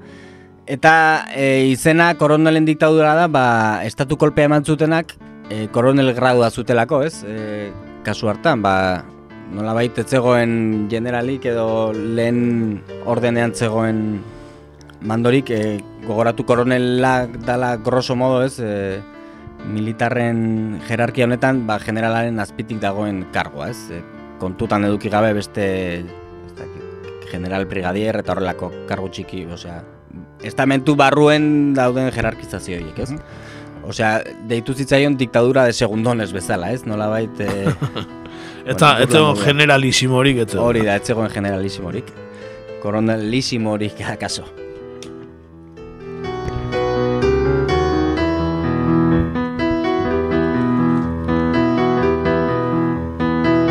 Bueno, eta nola, nola gauzatu zuten estatu kolpea edo zeinen aurka egin zuten? Bai, bueno, e, estatu kolpea beti hartu behar da kontekstu batean, ez? Eta gobernu militarrak irauntzuen zazpi urteak ere, ba, erantzuten diote kontestu bati, ba, Greziak e, bigarren gerra mundiala bukatu eta gero zekarrenetik, ez? E, kontutan hartu behar da, hogeita mar urteko banaketa nazionalaren nolabaiteko kulmena izan zela, ez? E, horra austura bat eman zen, kolpe militar honekin. Eta e, bigarren mundu gerran Grezian zabaldu zen egoerari ba, beste etapa bat edo e, eman zion, ez? E, gogoratu Grezia, e, Bielorrusia bezala ere okupatuta izan zela, e, Italiarren gandik eta eta nazien gandik ondoren. Eta ba, hor noski e, okupatuta egon ziren herrialde guztietan bezala, ba, kolaborazionistak egon ziren, ez? E, Frantziako Bitxia Republikan, ba, Grezian e, bere izpilua duki zuen. Eta e, mila behatzireun da berrogeita zazpian, estatu batuek hainfamatu egin Truman doktina formulatu zuten, ez? E, eta Grezian eta beste hainbat e, lekutan guk sobera dakigunez, gobernu autoritario batzuk aktibotki laguntzen hasi ziren, e, estatu hauek sovietar batasunaren eraginpean ez erortzeko, ez? Eta Grezian, adibidez, idea, e, siglekin ezagutzen den erakundea sortu zuten, hain zuzen ere, e, Grezia okupatuta egon zen garaian, e, ofizial militar kolaborazionistak izan zirenekin, ez? E, tartean aurkitzen zen, ondoren junta militarreko burua izango zen Georgios Papadopoulos, ez? Eta, ba hori, e, nazien alde, nola baita, eta, bueno, fasismoaren alde egin zuten pertsona eta militar ofizialak, hori da, rangu altuko militarrak, e, ba hori, beraien, beraientzako lanetan jarri zituzten, ez? Eta bueno, e, ba hori, gobernu kontserbako ugari eta gero, ez, estatu batuek ja, ondo zetorki gobernu kontserbako horiek eta gero, irurogeita iruan, Georgios Papandreu, hau izen ere antzekoa duena, baina bata da Papadopoulos eta bestea Papandreu, ba honen iritxerak aire berriak ekarriko zituen esperantzak zabaldu zituen, ez? Nola baita aldaketak eta sartzeko eta bar. Eta e, mila bat zireun da irurogeita laugarren urtean, hau da, Papado, Papandreu iritsi eta urte betera, e, Grezian e, errege aldaketa bat egontzen, gogoratu orduan Grezia monarkia bat zela, eta esperientzia gutxiko errege berri bat koroatu zuten, ez? Konstantino bigarrena. Gure Sofia Maitearen anaia nagusia. Espainiako erregina, erregentea. Hori da, erregentea. Eta bere anaia zen Konstantino. Hori da. Eta honek e, Papandreurekin gatazka ugari euki zituen erregeak bere papela indartu nahi zuelako, ez? Nolabait erabaki politiko gehiago hartu eta bar bere aitak e, erregaren aitak esan nahi da eduki zuen moduan, ez? Baina Papandreu ez zegoen honen alde, ezta? Eta nolabait ba hor e, tirabira politiko sakonak sortu ziren eta Papandreuk kargua bueno, kargua utzi zuen. Eta e, ondoren mila datzerun da zazpiko maiatzerako hauteskunde berri batzu dituza zeuden, zentzuetan Papandreuren semea ere aurkezteko, osea, aurkeztu nahi zen, ez? Baina apirilaren hogeita batean, e, koronel talde batek, ba, ez zuen orion hartu eta defentsa ministerioa e, hartu zuen Atenasen eta beste leku garrantzitsu batzuk ere bai, ez? E, gainera egun tanke atera zituzten asteen asko kaletatik paseatzera eta erregearen palazioa bera ere inguratu zuten, ez nolabait e, honek eragin zezakeen erresistentzia edo mugatzeko aitzakiarekin. Ia iago eta iru FM bezala ez, igual bala. bai, bueno, tanke batzuk gehiago eta hauek e, garaipena lortu zuten gero. Bai, eta ez zuen, atzetik ez zuketen erregea ez. Hori, hori.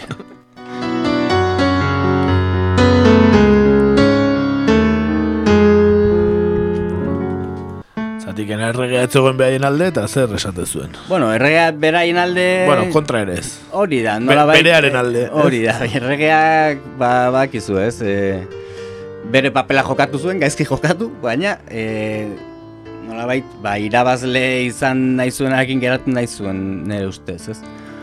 Baina, bueno, e, historiaren begitan esan behar da ba, bere hilobi politikoa eta bere dinastia osoarena ba, berak zulatu zuela, ez? Ez e, nolabait behin estatu kolpea eta gero eta koronelak boterera itxe eta gero e, diktadurarekin kolaboratzea, ez? E, onartu zuen eta nolabait legitimatu egin zuen diktadura hau, ez? Naiz eta ondoren esango zuen ba, e, odola ekiditeko eta hartutako erabaki bat izan zela. E, ondoren berak e, bueno, berak edo bere ingurukoek antolatutako kontrakolpe militar bat prestatu arren, dutxe egin zuena, herriak ez zion sekula barkatu ez, erabaki hori hartu izana, hau da, sostengatze hori emana, eta e, azkenean korondelek beraiek eraitsi zuten, e, dekretu baten bidez, eta demokrazia bueltatu zenean, irurogeita malauan, egindako erreferendun batean, populazioaren euneko irurogeita marrak errepublikaren alde bozkatu zuen, ez? Osea, horretzegoen nolabait, osea, diskusioa ondirik, ez? Bai, bueno, e, Estatu Espainiaren agian etzan egongo egin balute. E, hori da, egingo balitz, ez? Oain dagoen saltxarekin gaina, Sofia eta bere senarrarekin dauden negozio, vamos. Bai, bueno, negozio gaspaliti dauzkate, bai, eh? bai, baina bai, horrein bai. ere hitz egiten da, bai. Hori da, eta bueno, ba, negozio txarra ez, Konstantino honena, eta baita bide batez Juan Carlosen ere bai, ez? Ezkondu zen momentu hartan zen ja ezkontide Sofiaren Sofiarekin eta bueno, 70 pikoan eta ezkondu erreinurik ez daukan printzesa batekin, ba ze hazen dugu. Ba, baina berak ere ez zeukan orduan, eh? Bueno, berak ja ja, ja bideratu, zeukan, bideratuta ja. zeukan, baina bueno, eh, ja ia berrogei urte erreinuri gabe egontzan bere familia ere, beraz, esan diteke bate, bate lortu eta bestea galdu, ez? Bai, bai, hori da, konpensatu egin zian, ez? Hori da.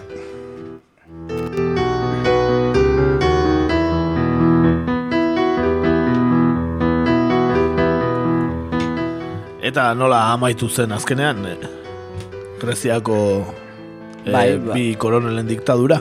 Ba, ba, bueno, azkenean e, protesta garrantzitsu batzuk hasi ziren, ez?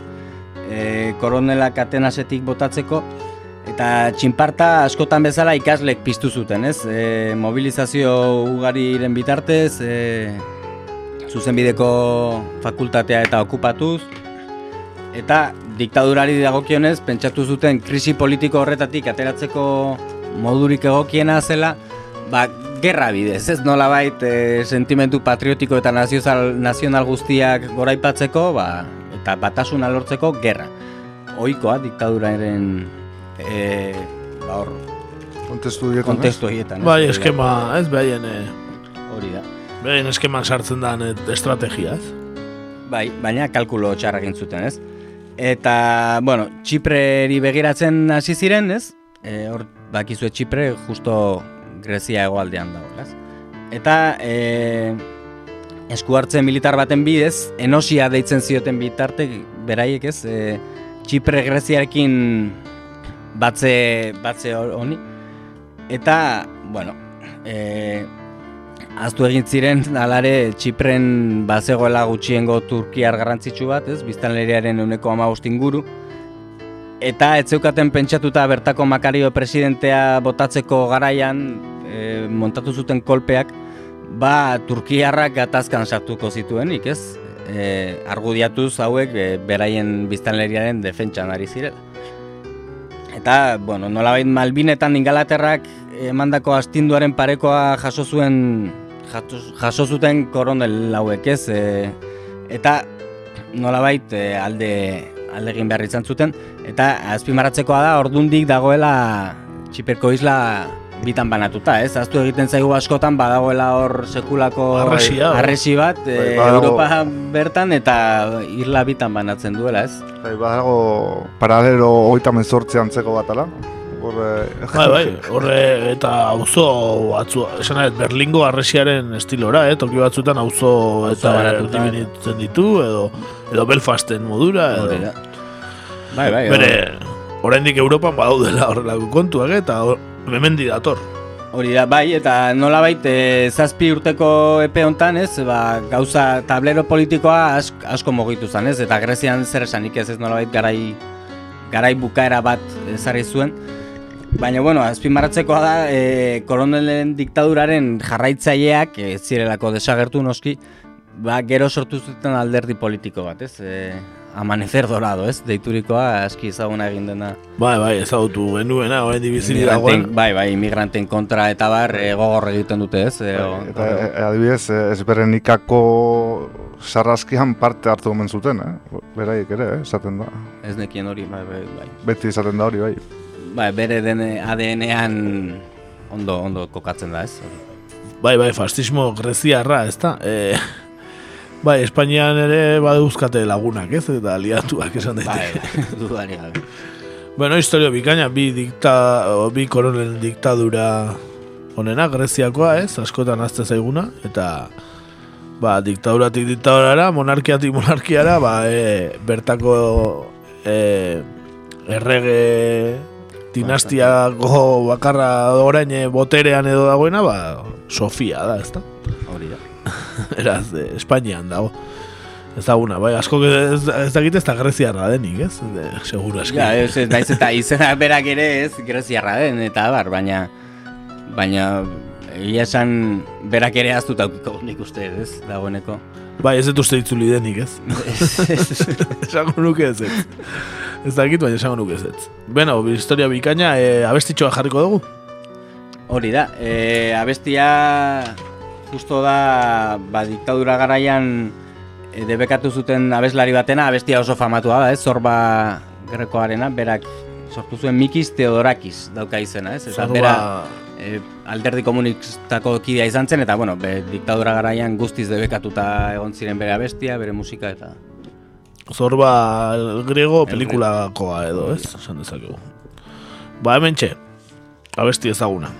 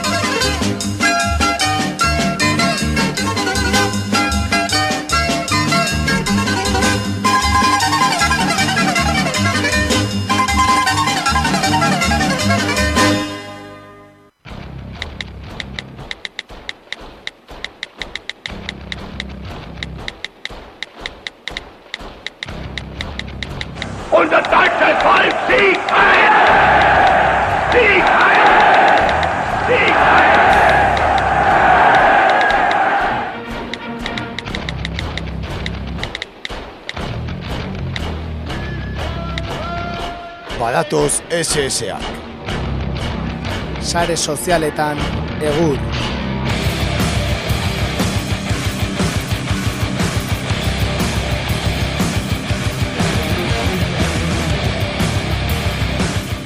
Bueno, guazen ba gure azken atalarekin. Gaurkoan sare sozialetan e, ba zirrara berezia sortzen diguten pertsona buruz ingo du, ez? E, Youtuberrak oso zaleak eh, irratxa jontan youtuberrenak, ez? E, batez ere familienak, eh? karen melutxiak eta bar, eh? gogoratuko zeate. Bueno, ba, ontan, e, ez, e, gatoz, euskal youtuber batzuekin, e, ba, euskeraz ba, gabezia handia olako youtuberretan ez, eta ba, kolektibo batek sutan bang kolektiboak ba, ba, ba, youtuberra egin dira edo, eta youtubeko bideoak igotzituzte ba, nera bentzat, eta bar, ez? Eta donostiako txondorra gune autogestionatuan e, grabatze dituzte, eta bertan elkartzen dira, Eta beraiek esatuten bezala, ba, aspaldi konturatu ziren, ba, azken urteetan e, gure hizkuntzan gabezi handietako bat interneten zegola. Eta beste hizkuntzaten ez bezala, ba, orain ba, ba, dela podcastak, YouTubeko ba, YouTuberrak, streamingak eta bar. Eta ba, euskeraz ba, gauza gutxi daudela, ez? Eta baita ere, e, nabarmentzen dute, ba, beraien ustez, e, badagoela jendea YouTubeen e, euskeraz egiteko kapaza, baina ez dagoen ez komunitate bat, ba ez, da, ez dala ba, beste hizkuntzatara pasatzen direla ba, euskal YouTuber batzuk, eta bar. Esan, e, e, beraien, ba, bueno, juntatu ziala olako ba, gogoa zituzten desberdinak, eta dana batea kolektiboa sortu zuten, ba, resago ekonomikoki eta ba, materiala erosteko, eta bar, eta nabarmentzekoa, e, herriko festa ezberdinetan aurreko udan e, txozna jarri zutela, eh, ontarako, beraz, bueno. E, Bentsat, e, youtuber klasikoetatik aparte dauden kolektiboa diela esan dezakegu, ez?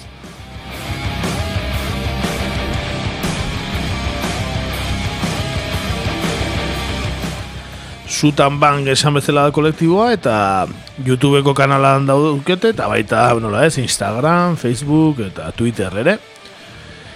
E, lehenengo programa Karramarro uartea izan zen eta Badonostiako pirate inguruan sortu zuten, ez, festetan. Ba, elkarrizketak, bakarrizketak eta bar. Eta gero badauzkate beste programa desberdin batzuk, adibidez daukate bat e, gure kaspa deitzen dana. Pentsatzet ETV-en baude horrez, bi anai zipi eta zape ematen dutenak, e, gure kasa dana, ba, ba horren zean bat edo gure kaspa. E, eta ba, ba ez dute, ba, interneten hartutako bitxikeriez, edo la inkestatxoak eta dituzte behitu. Elkarri dugu zatitxo bat entzun dezazuen. Julen zeinekin izango zenuke gau erromantiko bat, aitziber garmendia, nere alias edo izarorekin. Irurekin batera, mesedez. toma, hortxe botatu. Lehlander zein da Euskal Herriko kuñatua. Andoni Hortuzar edo Xabier Eguzkitza. E, ega, ah, bueno, eganeko abeslari esan behar Xabier Saldia, zein? Zein? Or... Eh, Andoni Hortuzar edo... Hortuzar. Eh, or... Vale, ya está. Ez duzu beste... Eh... eh, garazi urteko Euskalduna Xanti Abascal edo Aino Arteta. Santi. Ai. Xanti Abascal. Xanti Abascal. A ver, a ver, a ver, minutu terdi, Xanti, Julen, Xanti. Julen, Teledonosti o Telebilbao? Telebilbao, ba. Bueno, holako, ez, ba, txorratxoak eta... ez da, gaizki ez. Nera behentzako eta bar, ba, bueno, bintzat euskeraz ez da. Hori da programa bat, baina gehiago dauzkete, adibidez gaur gurian daukie beste bat Anderredok eta Eneko Sánchez egiten duena hola humorezkoa eta Eta konfinamendun ba bastante dituzte hola, ez, bideo llamada modura edo. E, ba, gauza seriogo eta zera hitz dute, adibidez mugetatik kanpo izeneko batean, ba, Euskal Herritik kanpo biziren Euskaldunak elkarrizketatzen dituzte eta Inigo Arratibel politologoak eh, zenbat herrialdetako egoeraren azterketak egiten ditu. Beraz, ez da dana txorrak, txorakeria, bueno, bauka baita mami pixkat, adibidez, beren daukagu, ba, Bolson, Bolsonaro eta zitze egin zuteneko zatitxo bat. Zein da Jair Bolsonaro? Bueno, hemen azkenean personaje, o azken aldian, azken urteetan, etengabe ikusten ari diren pertsonaia izan da, baina noski, askok ez dakite nundikan etorritako pertsonaia izan den, edo ze jatorri duen. Eta, bueno, lehen da bizi, e, Jair Bolsonaro kapitaina izan zen, hau da militarra, militar, militar, bai. E, paralelismo batzuk daude bertan ere Trumpekin, hau da, Trump e, nolabait enpresen mundutik dator, politikatik kanpo datorren pertsonai bat da, eta honetan Bolsonaro, ba, bueno, militar mundutik dator. Bueno, hortxe gure kompetentzia, baina bideoan, eh? baina, bueno. Ba, hori, gauza serioak eba dauzkate, eta gero... Ba, beste bat aipatzearen dauki on the record saioa, e, euskal musika eta taldeak ateatzen dira, kontzertu bat grabatzen diete, hola, leku nahiko txiki baten, liburutegi moduko baten ematen du, nik bi ikusi ditut, e, bat nizurita zuneri, bak izoin modan dagoen trap euskal taldea, eta bestea Joseba Irazoki zen, eh, bitu, nizurita zuneri zatitxo bat ekarri da. Kultura libre zale, sentitu nahi zoain arte, artistek berak ez garen jarrera balidatzen dute, batzuntzako lapurrek, bestentzako eskubide, bitartekariz babes lugari eta sumale, sumale, sumale, sumale, sumale, sumale, sumale, lapurketan oizarte, Copyrighteko mertzenari joa kontrolatzen dizute. Hore izen dezu jarri, jartzen badezu ordaindu. Argudio legalak diru poltsikorak betiko historisek. Bueno, hortxe, trapa modan daula, Euskal Herrian iritsi da, trapa iritsi zen, youtuberrak ere badaude, gehiago badaude youtuberrak, eh? Zitut ekarri baino, bueno, batzu ospe pixkatekoak euskeraz hau gaur kolektibo hau eta zitzein dugu, baino badaude beste batzuk. Youtubeen e, bideotxoa egiten nahi beste beste irrati ontako kide izan zen gorka Sant Esteban, eh? Hor da bile, tope.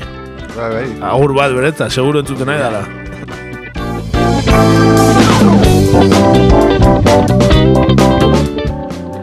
Esan ba, irailerako edo, ba, e, programa berria buruan dauzkatela, ba, adibidez bat, hau ez dakit dagon, hau berria izango zen igual, e, bideo joku inguruko, baina euskeraz, ez? Oiek, ba, gizu asko, YouTubeen asko saltzen dutela, ez? Gamer kontuak, eta, bueno, ba, irudi euskeraz bat egin nahi dutela hor, eta baita beste bat teknologia berriei buruz, eta, eta abar, beraz, bueno, Bentsat, ez Ide, hemen... Ideiak badituzte, bentsat, Hori, ez gara hemen youtuberren oso jarraitzaile, baina egia da, ba, euskeraz hor ba gola hor, ez, e, utxune handi bat. Ematen du, oraingoan ere, instituzioek egiten ez dutena, ez, norbanakoak eta kolektiboak egiten ari direla. Ba, hori da, ba, jendearen ezin egona ikusita, eta nola ba, gazte nerabe eta umea geroz eta euskera gutxiago erabiltzen duten eta influentzia asko jasotzen dituzten kanpotik, ez da euskeraz ez duten aurkitzen. Bai, eta euskal telebista eta ja referentzia zat hartzea ez ez zinezkoa da. zinezkoa da. Azkeneko datuak e, historia gukerrenak izan ditute batek. Beraz, e, bai, ba, beste, beste numait egin behar bidea, ez? Eta, bai. bueno, ba, horrelako bideak, ba, bueno, bintzatez, kolektibo honek, ba, hartu du iniziatiba bai, bai. eta eskertzekoa. Bai, behan behiela, bai.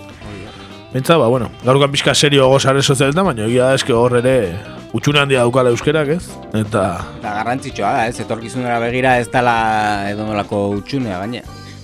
Bai, bai, du dario, gabe. Eta, aipar du mesela, ez, ematen duena instituzioak eta, ezagit, e, ete beren kasuan, ja, da, lotxagarria da, gauza noraino eramaten ari diren, eh? Bai, bai, bai. Ete baten kasuan, erabat zogoratuta daukate, ikusi beharko esan aurrekontuak ez bat bidiratzen zaion bai bat ari eta besteari.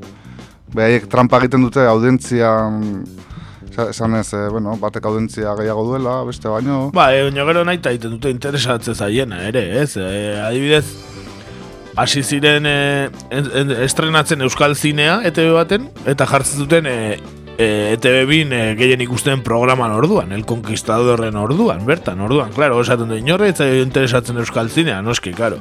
Gehien ikusten dez, den zure programarekin batera jartzen badezu bestea, ez da? Eta gaina ze propaganda indio euskal zinea, edo zema publizidade, edo...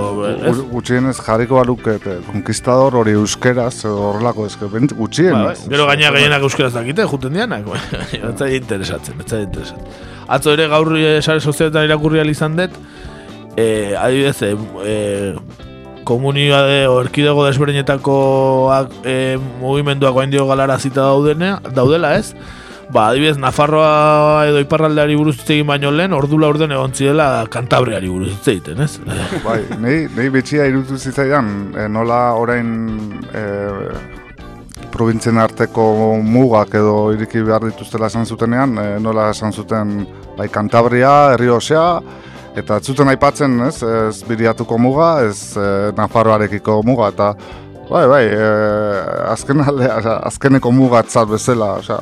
Bai, bai, ja, bai. importatzaigu muga bat bezala, gehiago importa zi- zitzaila kantabriarako muga, eta gainera errepikatu zuten hainbat aldiz e, fluxu gehien duen muga hori dela, oza, behin eta berriro errepikatu zuten. Bai, bai, EAJaren gatik balitz, nahiago luke esan Kantabria Euskadi da, Nafarroa Euskadi da, baino lehen esate zuten bezala, ezta? Bai. Pixkanaga konkistatzen ari dira egia esan Bilbotarra Kantabria, eh? Hori esan beharra dago. Baina, bueno, euskera ez dute eramaten, ez, du, ez dirudi, hori... Berta juten dira, baina euskeraz ez dute konkistatzen, eh? Atletikeko banderak bai, baina. Hori bai, hori bai. Bueno, ba, hola, beren kontuak beste behin ere, aipatu, albistea justu urtzi urkizuri hartu diogula, bere egunean e, ETB-ri buruz elkarrizketatu genuen berriako kazetariaren adal albistea. Beste behin berarekin hitz egitea ere ez legoke gaizki, eh? Aurten ja zaila izango da, baina, bueno, bestela datorren denboraldian zeren ETB-rena bai, benetan lotxagarria, geroz eta gehiago. Bai, eta, eta, bueno, eta irratiarena ere, bai, eh? Bai, baina, irratiarena bueno, ere. irratiak maitza hona dauzka, eh? Maitza ia erderazkoaren aina dabil, eh? E, audientzian, eh? Esan daiteke. Beste gauza da... Eduki gara. Bai, edo... Edo bere, ez, eh, editoriala, edo bere zea politikoa, ez? Baina...